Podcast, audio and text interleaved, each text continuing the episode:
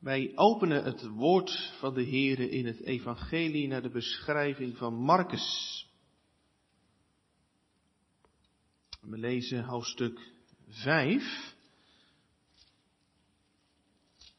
Toen ik hier eind januari was, toen hebben we geluisterd naar de geschiedenis van de bezetenen van Gadara. En vanmorgen willen we lezen uit het gedeelte dat daarop volgt. We lezen vers 21 tot 24. En dan lezen we verder vanaf vers 33. Marcus 5 vanaf vers 21. Marcus 5 vers 21. Daar klinkt het woord van de Heer en als Jezus wederom in het schip overgevaren was, aan de andere zijde vergaderde een grote schaar bij hem en hij was bij de zee. En ziet, kwam een van de oversten van de synagoge met name Jairus. En hem ziende viel hij aan zijn voeten. En bad hem zeer, zeggende, mijn dochtertje is in haar uiterste. Ik bid u dat gij komt. En de handen op haar legt, opdat ze behouden wordt en zij zal leven.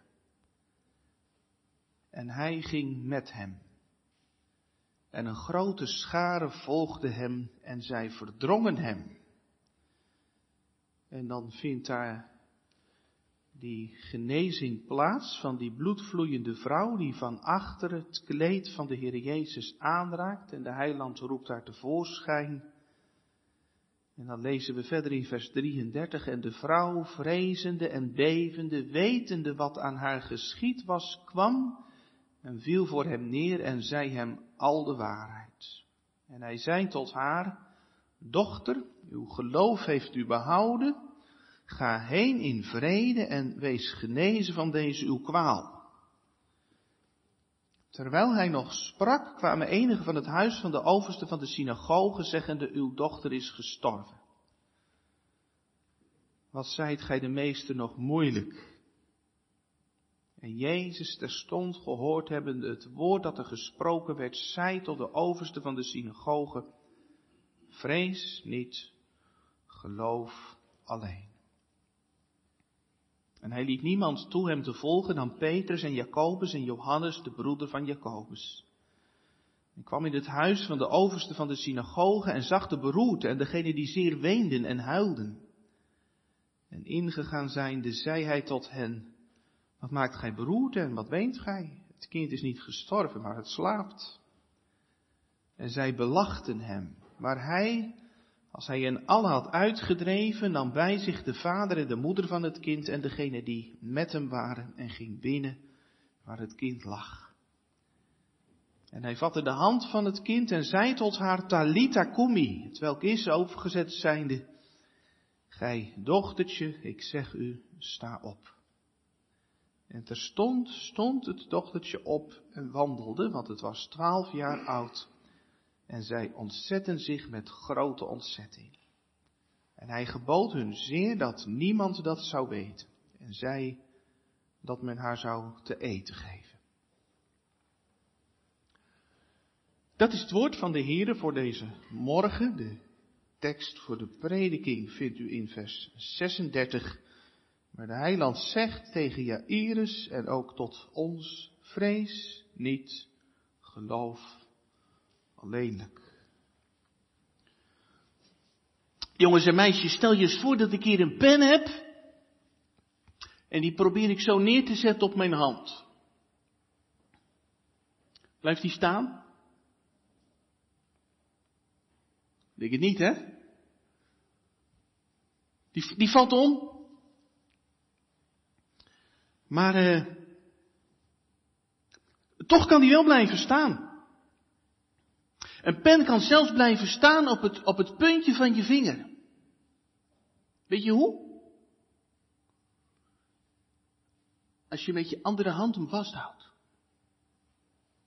Dan blijft hij staan. Weet je, dat verhaaltje dat vertelt Corrie ten Boom ergens om eigenlijk duidelijk te maken wat geloof is. Ons geloof is vaak als die pen, dat wiebelt maar heen en weer, dat zwaait alle kanten op. Maar nou is daar die hand van God die ons vasthoudt.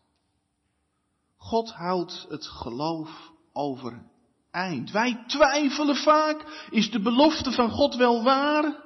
En we zijn vaak bang voor de dingen die komen gaan. Maar God houdt ons overeind. En daarover gaat het in Marcus 5. Thema voor de preek. Zie slechts op Hem.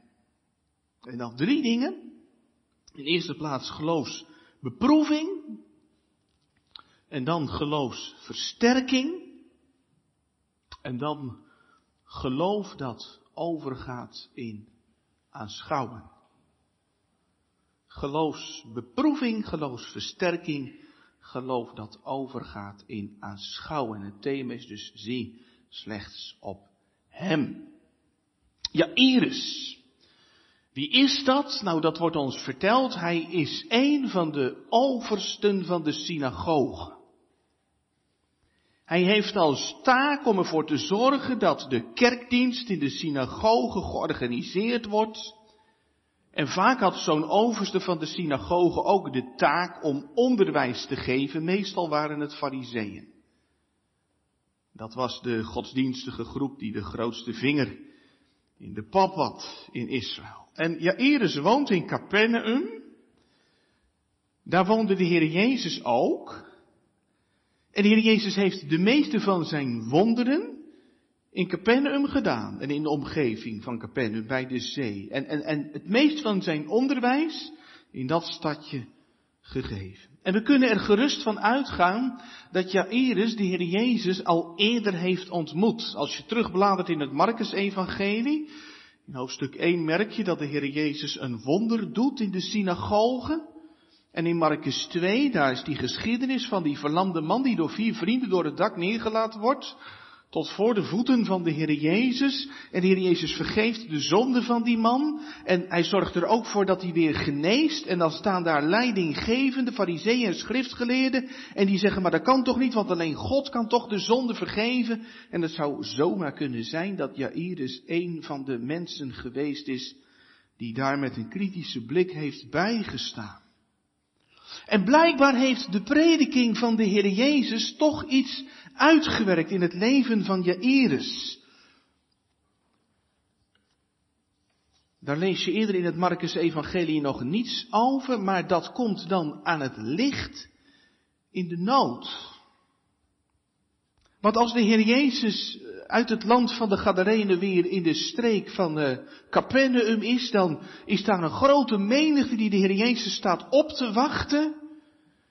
En dan is daar die radeloze vader die bij zichzelf denkt, als ik heel hard loop, dan heb ik misschien nog een kans. En hij valt aan de voeten van de Heer Jezus neer en je ziet de angst en de spanning in zijn ogen. En hij vertelt aan de heiland dat zijn dochtertje doodziek is. Het is trouwens heel mooi dat hij zegt mijn dochtertje met een verkleinwoord. Dat meisje is al twaalf jaar. Maar de evangelist Lucas vertelt dat het het enig kind is van je Iris. En als je enig kind bent, dan word je nooit grote zus. Dan blijf je altijd klein, mijn dochtertje. En je proeft daar iets in van de liefde. Zijn enig kind. En van de spanning van die vader. Buiten adem komt hij bij de Heer Jezus. En het feit dat hij op de grond valt voor hem, dat is al zoveelzeggend. Rabbi. En fariseer die knielt voor een andere mens. Er zit iets in van erkenning. Wat je echt niet bij iedere fariseer vond. Maar goed, ook hier merk je weer, en dat is wel vaker in het evangelie, dat mensen in nood zich tot Jezus wenden. En soms vraag je dan af, is het dan echt waar dat er nood moet zijn voordat wij pas naar de Here gaan vragen? Ja, blijkbaar zijn wij hardleerse mensen. Ja, Iris zal een welgestelde man zijn. Hij heeft personeel. Hij heeft een ander niet nodig. Als je rijk bent, dan heb je een ander niet nodig. Totdat er uh, dat moment aanbreekt dat alles je uit handen wordt geslagen. Zo kan dat soms gaan in je leven en dat is ook wel goed hè, om op die manier eens naar je leven te kijken. Zou ik ook bij God uitgekomen zijn als er in mijn leven geen nood was geweest? Of had ik dan nog steeds langs de Heer heen geleefd? De doornen in het vlees, zei iemand, is dat zijn vaak de punaises die je vastprikken aan Gods genadetroon. En zo lijkt het ook hier. Met nood, doodsnood komt Jairus bij Jezus. En hij zou de Heer Jezus wel mee willen sleuren, omdat hij gelooft dat als iemand nog iets kan betekenen, dan wel Jezus. En dan staat er gelukkig in vers 24, en hij ging met hem. Dat is een hoopvolle eerste stap, maar ja, het schiet voor geen meter op, hè. Als, eh, als ergens uh, een dokter nodig is en het is echt spoed, er is nood. Ja, dan komt de ambulance met blauwe zwaailichten en met loeiende sirenes. En, en je zou verwachten dat de Heer Jezus hier ook tegen de mensen zegt, wacht hier, spoedgeval. En dat hij met Jairus mee rent naar zijn huis. Maar dat is helemaal niet het geval. Die menigte die trekt met de Heer Jezus mee en die dringt tegen de Heer Jezus aan. En dan is er onderweg ook nog eens een keer oponthoud. We hebben dat stukje overgeslagen, maar dat weet je wel van die bloedvloeiende vrouw die al twaalf jaar ziek is. En die van achteren de Heer Jezus aanraakt en dan merkt ze dat ze genezen is, maar de Heer Jezus die roept daar tevoorschijn. En dan vertelt die vrouw de volle waarheid. En dat duurt maar en dat duurt maar. En Jairus zal wel gedacht hebben, schiet toch op met je verhaal, vrouw. Want het lijkt wel alsof de Heer Jezus dan de interesse voor zijn dochtertje helemaal verloren is. En dan, dan hoort Jairus Jezus zeggen tegen die bloedvloeiende vrouw, dochter, uw geloof heeft u gered. Ga heen in vrede. En precies op dat moment, vers 35, terwijl hij nog sprak, klinkt daar een andere stem. Uw dochter is gestorven. Uw dochter heeft het niet gered. Nou ja, dat zal een doffe dreun geweest zijn voor je Iris natuurlijk. En de spanning breekt, want nu is het te laat.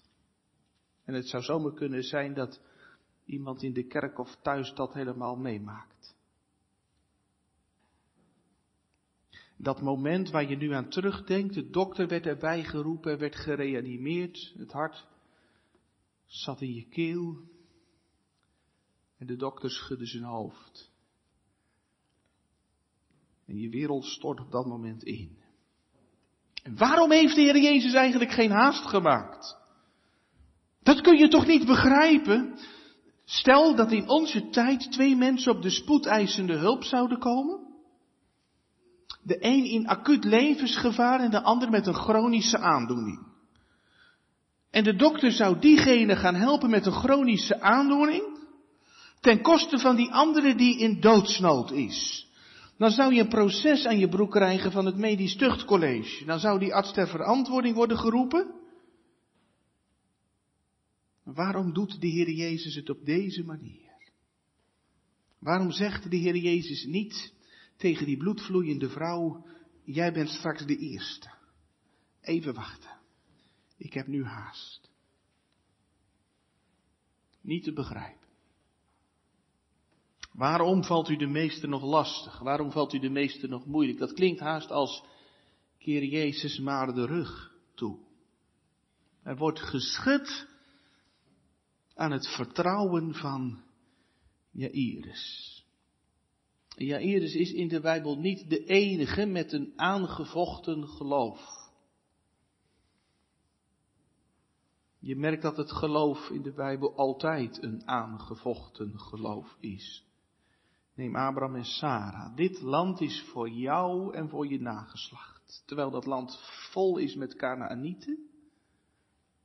En Abraham heeft geen vierkante meter in bezit en er breekt hongersnood uit. En hij en zijn vrouw worden oud en hebben nog steeds geen kind.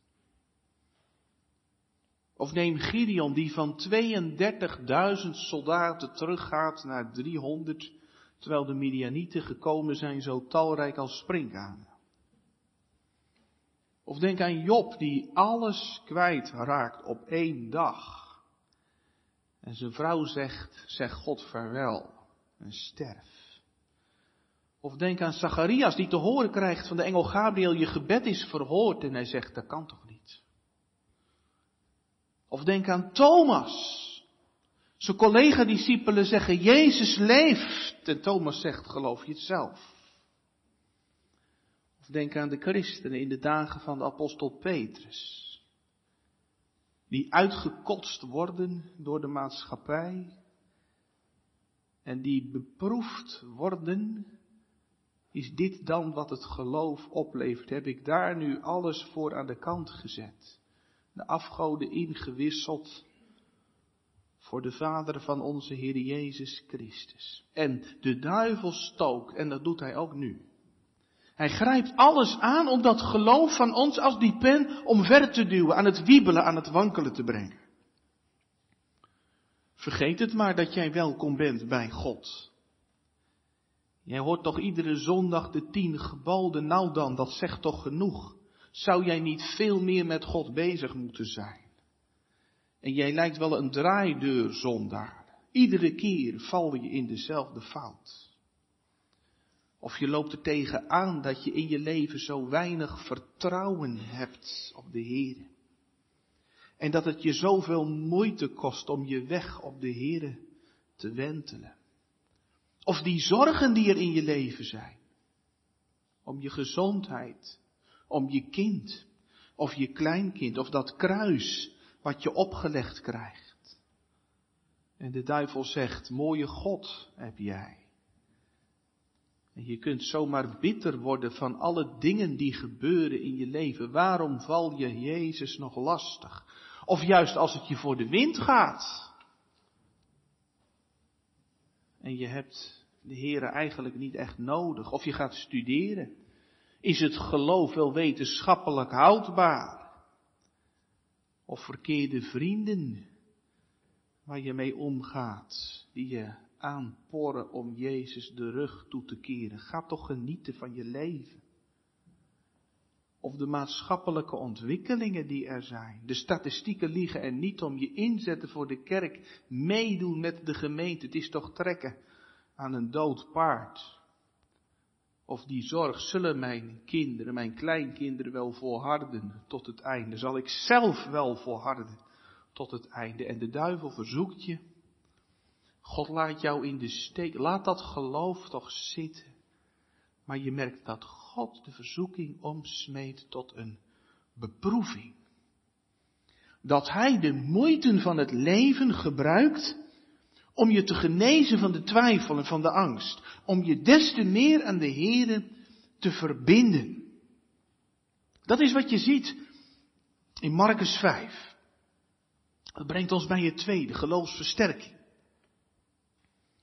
Waarom valt u de meeste nog lastig? Zeggen de knechten van je Eres. En prompt zegt de heiland, vrees niet. Geloof alleen. En daarmee leren we dus iets van wat geloven eigenlijk is. Geloven is niet op de omstandigheden letten, maar zie slechts op Hem. Ik las ergens, het geloof is vrijwillig blind. Het sluit de ogen om des te beter te kunnen zien. Ik weet niet of jullie wel eens uh, blinde mannetje doen, jongens en meisjes. Dat je een theedoek uh, voorgeknoopt krijgt. Dan zie je dus helemaal niks. En dan, uh, dan, dan neemt iemand anders jou mee. Die gaat jou leiden naar een plekje. En dat is best heel eng, hè? Want ja, je ziet niet waar je straks loop ik tegen de muur of tegen een stoel. Maar als iemand jouw hand vast heeft die jij echt vertrouwt, dan durf je het wel. Nou, je zou kunnen zeggen, geloven is eigenlijk ook zoiets. Niets zien, maar weten, Jezus leidt mijn weg. Vrees niet, geloof alleen. En als ik me dan eventjes verplaats in Jairus, en, en doet u dat ook maar, als je dan even verplaatst in Jairus, vrees niet, geloof alleen, dan zou je haast de vraag stellen aan de Heer Jezus, kunt u dat wel vragen van je Is dat niet te veel gevraagd? Die man die zal daar toch half verdoofd op die straat van Capernaum staan. Zojuist het bericht gekregen, uw dochtertje, uw enige, is gestorven. Vrees niet, geloof alleen. Ja, lood in de schoenen en dan doorlopen om thuis te constateren dat het echt waar is. Je lieve dochter dood aantreffen. Maar dan moet u even meekijken. In vers 24. Die eerste woorden. En hij ging met hem. Dat zijn woorden die moet je echt even proeven. Want dat zit nou boordevol evangelie. Jezus gaat mee door de woestijn van het leven. En dat maakt het verschil, want er verandert wat. Moet je maar eens meekijken. In vers 37. Daar staat, en hij liet niemand toe hem te volgen dan Petrus en Jacobus en Johannes. En dan in vers 40, daar lachen die omstanders de Heer Jezus uit. De Heer Jezus drijft ze uit en neemt bij zich de vader, de moeder en degene die bij hem waren, die drie discipelen. Ziet u dat er wat verandert onderweg? Eerst loopt Jairus voorop. En aan het eind loopt de heiland voorop. Als die Jobstijding in het leven van Jairus aankomt. En dat is zo heerlijk. Jezus is de locomotief van het geloof. En hij ging met hem en in het evangelie wordt hij geschilderd als de machtige. Dat is opvallend. In dit gedeelte van uh, het evangelie van Marcus. Je zou dat in uh, wat, uh, wat delen kunnen indelen. En dan merk je dat Marcus als het ware een climax aan het schilderen is. Allereerst zien we dat de Heer Jezus de, de, de macht heeft over de wind, en de zee aan het eind van hoofdstuk 4. Jezus heeft macht over de schepping. En dan, Jezus heeft macht over de demonen, de bezetenen van Gadara. En dan, Jezus heeft macht over de ziekten, de bloedvloeiende vrouw. En dan, Jezus heeft ook macht over de dood. Zie het dochtertje van Jairus, daar zijn geen grenzen aan Jezus macht. Maar gemeente, ik weet niet hoe het uh, met u gaat, hoe het met uw geloof is, maar misschien hebt u ook wel een wankelmoedig geloof. Een geloof dat lijkt op dat pennetje. Dat je eigenlijk jezelf niet overeind kunt houden. Vrede bij God, ik ben het zo vaak kwijt. Angst voor de dood. Angst om verlaten te worden, bang voor de toekomst, voor wat komen gaat in de wereld, in je leven. En dat je merkt, ik heb, ik heb iemand nodig die mij helpt. Ik heb versterking nodig. Ik geloof, Heer, kom mijn ongeloof te hulp. En dan hoor je er inderdaad van op. En hij ging met hem dat Jezus nou met ons meetrekt door de woestijn van het leven, door zijn woord en door zijn sacrament.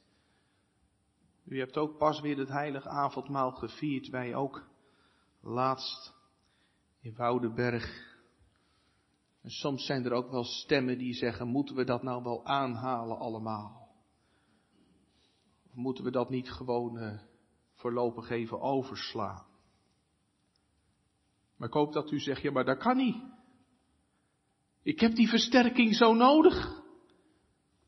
Want mijn geloof is zo wiebelig.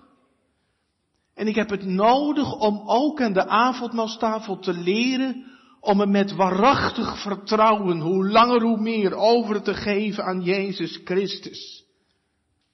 Om gericht te worden in mijn leven op zijn volkomen offer, dat eenmaal aan het kruis is geschied, want dat is de enige grond en fundament van onze zaligheid. Daar leven we toch van. Daar moeten we toch van hebben dat de Heer Jezus elke keer weer naar ons toe komt. En ons aanwijst waar de plek is waar wij kunnen gaan staan. Waar je kunt gaan staan met je schuld. Als je merkt dat je geen volkomen geloof hebt en niet die ijver om God te dienen zoals je schuldig bent. En dat je elke dag strijd hebt te voeren met de zwakheid van je geloof. En met je verderfelijke begeerte. Zie ik op mezelf, dan beef ik, zie ik op Hem. Dan leef ik. En Jezus wijst me de plek waar ik mag gaan staan.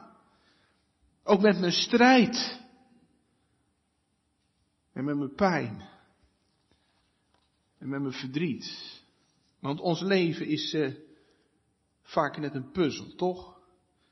Een puzzel waar je ook uh, lichte stukjes hebt en donkere stukjes, gekleurde stukjes en zwarte stukjes. En die donkere stukjes, dat zijn vaak de stukjes die je niet 1, 2, 3 leggen kunt. En dan je vast te mogen klampen. Dan te mogen gaan staan op die ene plek waar je ervan verzekerd wordt dat God de Vader omwille van zijn Zoon Jezus Christus mijn God en mijn Vader is, op wie ik zo vertrouw dat ik niet twijfel of hij zal mij met alle nooddruft aan lichaam en ziel verzorgen. En ook al het kwaad dat hij mij in dit jammerdal toeschikt ten beste keren, omdat hij dat doen kan als een almachtig God en ook doen wil. Als een getrouw vader. Hij ging met hem. En alleen daarom zijn er van die heerlijke momenten dat de vrede van God in je hart daalt. Vrede die alle verstand te boven gaat. En dat je het weer proeft. Hij heeft ook zijn eigen zoon niet gespaard. Maar hem voor ons allen overgegeven. Hoe zal hij ons ook met hem niet alle dingen schenken? zodat je het leert zeggen, in de grootste smarten blijven onze harten in de Heer gerust. Niet na de grootste smarten, maar in de grootste smarten. Ziende op Jezus alleen. Nero, die smeerde de christenen in met pek en hij stak ze aan. Als tuinfakkels. Hij zei, jullie zijn toch het licht van de wereld. En je gelooft het niet, maar ze waren er die zongen. Omdat de Heer erbij was. In de grootste smarten blijven onze harten in de Heer gerust. Er was een man van 90 jaar, die al ruim 70 jaar de Heer kende. En die kwam met zijn paard en wagen in het water terecht. En hij werd nauwe nood gered. En toen zeiden de omstanders tegen hem, u bent zeker wel geschrokken. En toen zei die man, nee, eigenlijk niet. Want als je in Christus bent, dan heb je het onder water net zo goed als boven water. In de grootste smarten toch gerust. Niet dankzij mijn geloofskracht, maar dankzij zijn genade. Jezus, uw verzoenend sterven blijft het rustpunt van mijn hart. Zo kun je verder door een nacht van strijd en zorg. Zo mag je Iris ook verder. Ook voor hem een nacht van strijd en zorg. Dan merk je in vers 37 dat het tempo omhoog gaat. De Heer Jezus heeft eerst geen enkele haast. Maar als dat bericht gekomen is dat het dochtertje van Iris gestorven is, dan zegt de Heer Jezus tegen de omstanders dat ze moeten blijven waar ze zijn en dat ze Hem niet meer mogen volgen. En dan gaat de Heer Jezus verder met Petrus, Johannes en Jacobus. En dan komen we nog bij het derde van de preek, geloof dat overgaat in aanschouwen. Vrees niet, geloof alleen. Dat woord dat moet je iris in zijn ogen, in zijn oren geknoopt hebben. Want als hij bij zijn huis komt, dan spelen zich daar hysterische taferelen af. Zoals gebruikelijk in die dagen. Indringende begrafenismuziek. Fluitspelers, paukslagers, klaagvrouwen. En sluit dan je ogen en je oren maar eens om te letten op Jezus alleen. En toch is dat geloven, je vastklampen aan wat Jezus zegt. Opnieuw. Want Jezus zegt, dacht het dochtertje niet gestorven is, maar ze slaapt. De dood krijgt in de mond van Jezus een andere naam. En die, die beroepsklagers, die lachen de Heer Jezus uit, die geloven niet. Maar Jairus lacht niet. Hij wacht. Ik wacht op hem, zijn hulp zal blijken. En in gedachten zie je ze dan de drempel overstappen van de sterfkamer. Jezus, een vader, een moeder en drie discipelen. En dat is dus het moment dat Jairus met zijn neus op de feiten wordt gedrukt. Daar ligt ze. Zijn meisje. Dood. De tranen zullen hem in de ogen gebrand hebben. En misschien dat ze adem stokte in zijn keel. Want je kunt nog zo rijk zijn, je kunt de dood niet afkopen.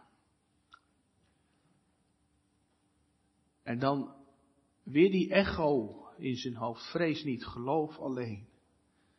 En Jezus pakt de hand van dat meisje en zegt, Talita kumi.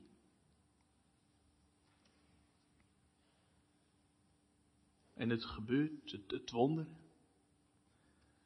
Ze leeft. Gewoon omdat Jezus twee woorden spreekt. In het Aramees. In de taal die dat meisje gewend was. Matthäus en Lucas vertellen deze geschiedenis ook. En het is opvallend dat alleen Marcus die Aramese woorden vermeldt. Marcus heeft zijn evangelie opgetekend uit de mond van Petrus. Petrus was ooggetuige. Die, die, die was erbij toen die woorden klonken. Op dat heilige en indrukwekkende moment. Dat heeft een onvergetelijke indruk op Petrus gemaakt. Hoe Jezus dat zei. Hoe Jezus dat deed. Een moeder kan het niet beter en liefdevoller dan Jezus. Lieverd, wakker worden. Het is tijd. Talita kumi. Want ook dat woordje talita is een verkleinwoordje. Meisje. Net zoals je Iris zelf. Die knechten van je Iris die zeggen, uw dochter is gestorven. Je Iris zelf zegt dochtertje en Jezus ook Talita. Dochtertje. Want ook de heiland heeft dat meisje lief. Nog liever dan haar vader haar hebben kan. Want Jezus gaat als het ware op haar plaats liggen. Daarvoor kwam hij op aarde. Hij is het lam van God dat de zonde van de wereld wegdraagt. Loon op de zonde wordt uitbetaald aan Jezus. En zo overwint hij de dood door zelf te sterven. Talita kumi. Er zijn geen grenzen aan Jezus macht. Misschien dat iemand vraagt, wat moeten wij hiermee in, in onze tijd, hè? In, in, in een wereld vol verdriet en pijn. In een wereld die zo ongelooflijk gebroken is. Was dus een uh, Engels meisje dat op de zonderschool haar juf deze geschiedenis hoorde vertellen. Van de opwekking van het dochtertje van Iris. En toen vroeg dat meisje na afloop, helpt Jezus mijn zusje ook? Want mijn zusje is heel erg ziek. En die juf die wist even niets anders te zeggen dan dit. Ja, de Heer Jezus zal je zusje genezen. Maar dat zusje stierf. En dat prille geloof van dat meisje werd de grond ingeboord. En ze was te diep teleurgesteld. En ze zei, de kerk ligt. En ze werd later de leidster van de Engelse communisten. Had die juf op de zonderschool nou maar gezegd, Jezus is van ons weggenomen. En daarom is de wereld nu vaak vol verdriet. Maar hij komt terug. En dan zal hij alle tranen van de ogen afwissen. En dan zal hij alle gestorven gelovigen wakker roepen. Hij heeft laten zien dat hij het kan. Want gemeente, deze geschiedenis is een teken, zoals alle wonderen van de heiland tekenen zijn, deze geschiedenis is een teken van de wederopstanding der doden. Die dochter van Jairus is later opnieuw gestorven. Maar haar opwekking was een teken van wat komt. De dood krijgt in de mond van Jezus een andere naam. Ontslapen, dat zegt Paulus later ook. Ontslapen in Jezus. En dan is dit evangelie in Marcus 5 een evangelie vol van hoop.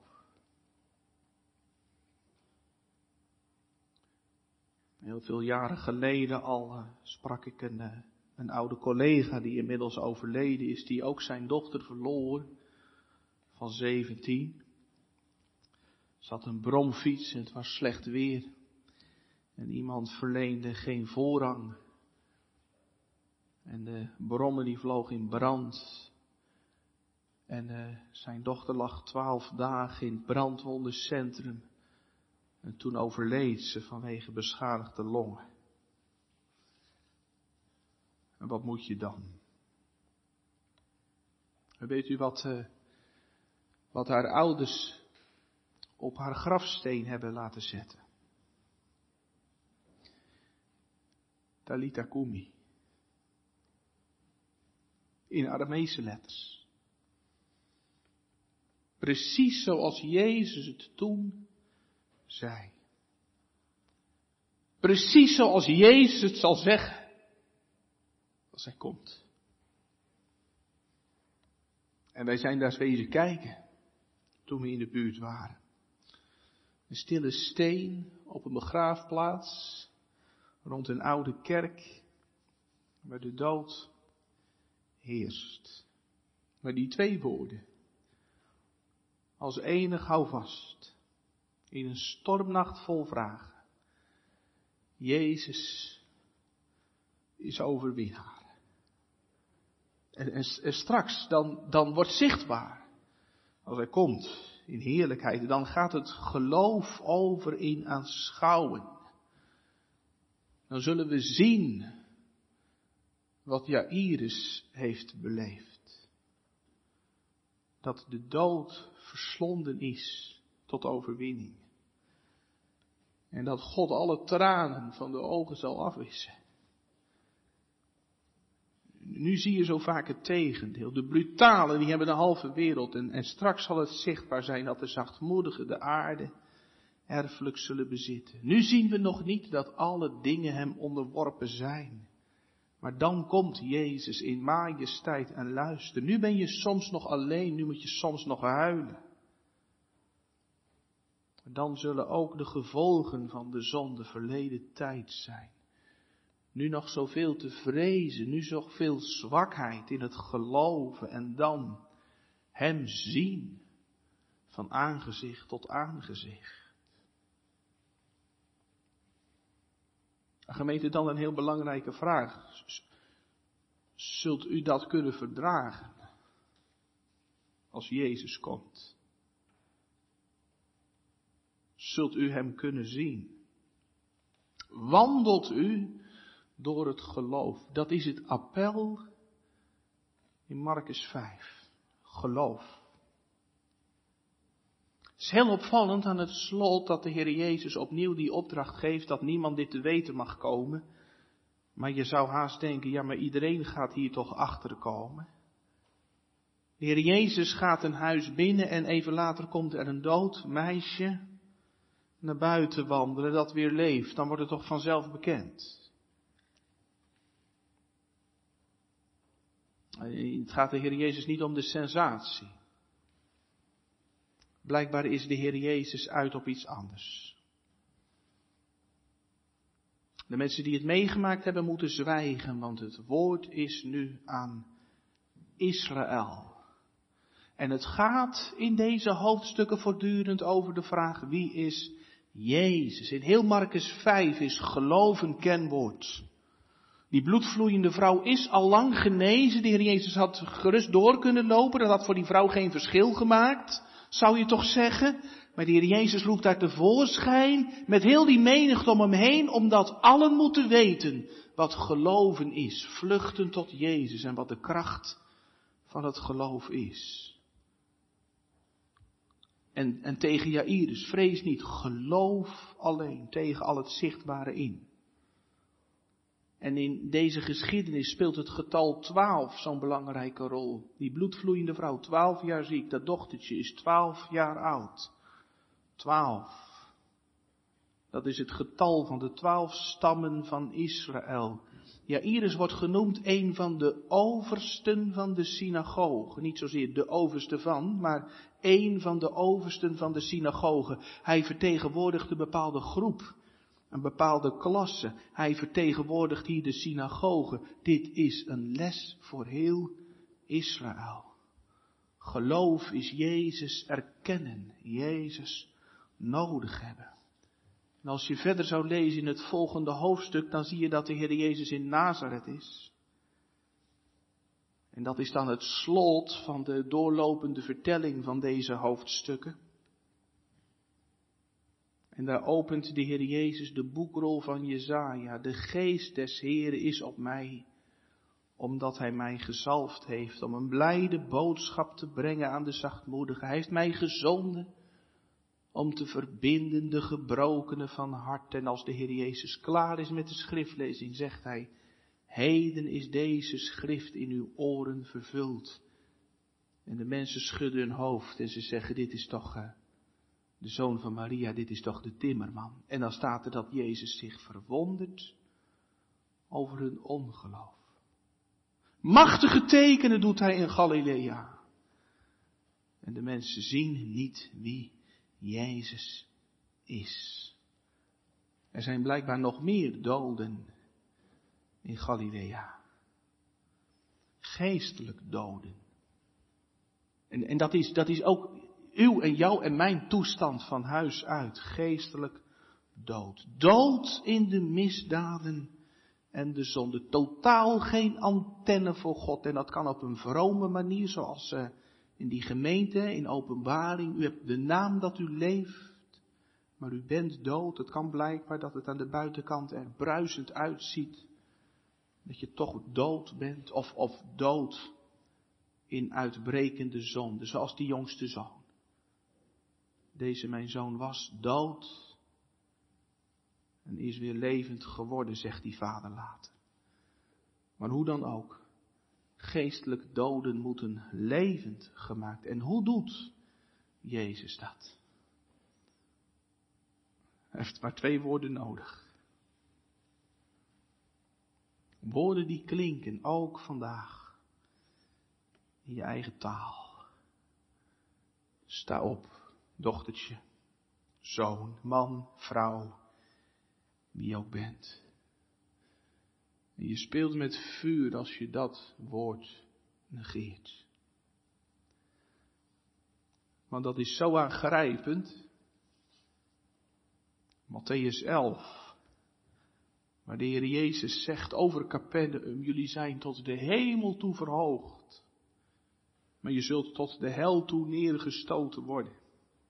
Want als in Sodom nou de krachten gebeurd waren, die jullie hebben meegemaakt, dan zouden ze in Sodom zich eertijds in zak en as bekeerd hebben, dan zou Sodom nog hebben bestaan. Je speelt met vuur als je het evangelie als water van je af laat glijden. Als je dicht bij Jezus bent, doordat je leeft, opgroeit in een gezin waar het woord is. Maar je blijft wie je bent. Iedere kerkganger heeft vast iets met Jezus, toch? Alleen uh, je, hebt, je hebt in het Engels twee woorden voor, voor houden van. En misschien dat dat goed het verschil aangeeft. Je kunt, je kunt zeggen eh, like of love. En like, dat is dat je je duimpje opsteekt, hè. Je vindt het leuk. Je vindt het interessant. Zoals de mensen in de dagen van de Heer Jezus. Ze lopen mee omdat ze geëntertained willen worden. Blijkbaar kan het zo. Dicht bij het vuur. En je niet laten omsmelten. Like of love. En love dat is dat je twee handen om Jezus heen slaat en zegt geef mij Jezus of ik sterf. En daarom komt hij voorbij. Toen in de straten van Capernaum. En nu door de straten van IJsselmuiden en Grafhorst. Zodat u hem zou aangrijpen en nodig hebben. Eén keer en steeds weer. En wat is het heerlijk. Dat hij met ons meegaat. En ons opzoekt in woord en sacrament. Zie slechts op hem, want vastgehouden door hem kun je thuiskomen, getroost, leven en sterven. Want dat komt een keer. Of je nou twaalf bent, of weet ik hoe oud. Een aantal jaar geleden stond er in de terdegen een interview met de vrouw van Peter van Kooten. Ik weet niet of die naam u wat zegt en anders maar niet. Maar die, eh, die Peter van Koten, die eh, overleed in het vliegtuig onderweg naar huis aan een longembolie, 37 jaar. En op zijn grafsteen staat dit, door Christus ben ik levendiger dan ooit. Mijn lichaam ligt hier gezaaid, tot Jezus komt. En onderaan zijn grafsteen staat de vraag, kun jij ook sterven? En als je nou voor jezelf moet zeggen, nee, eigenlijk niet. Vlug dan tot Jezus.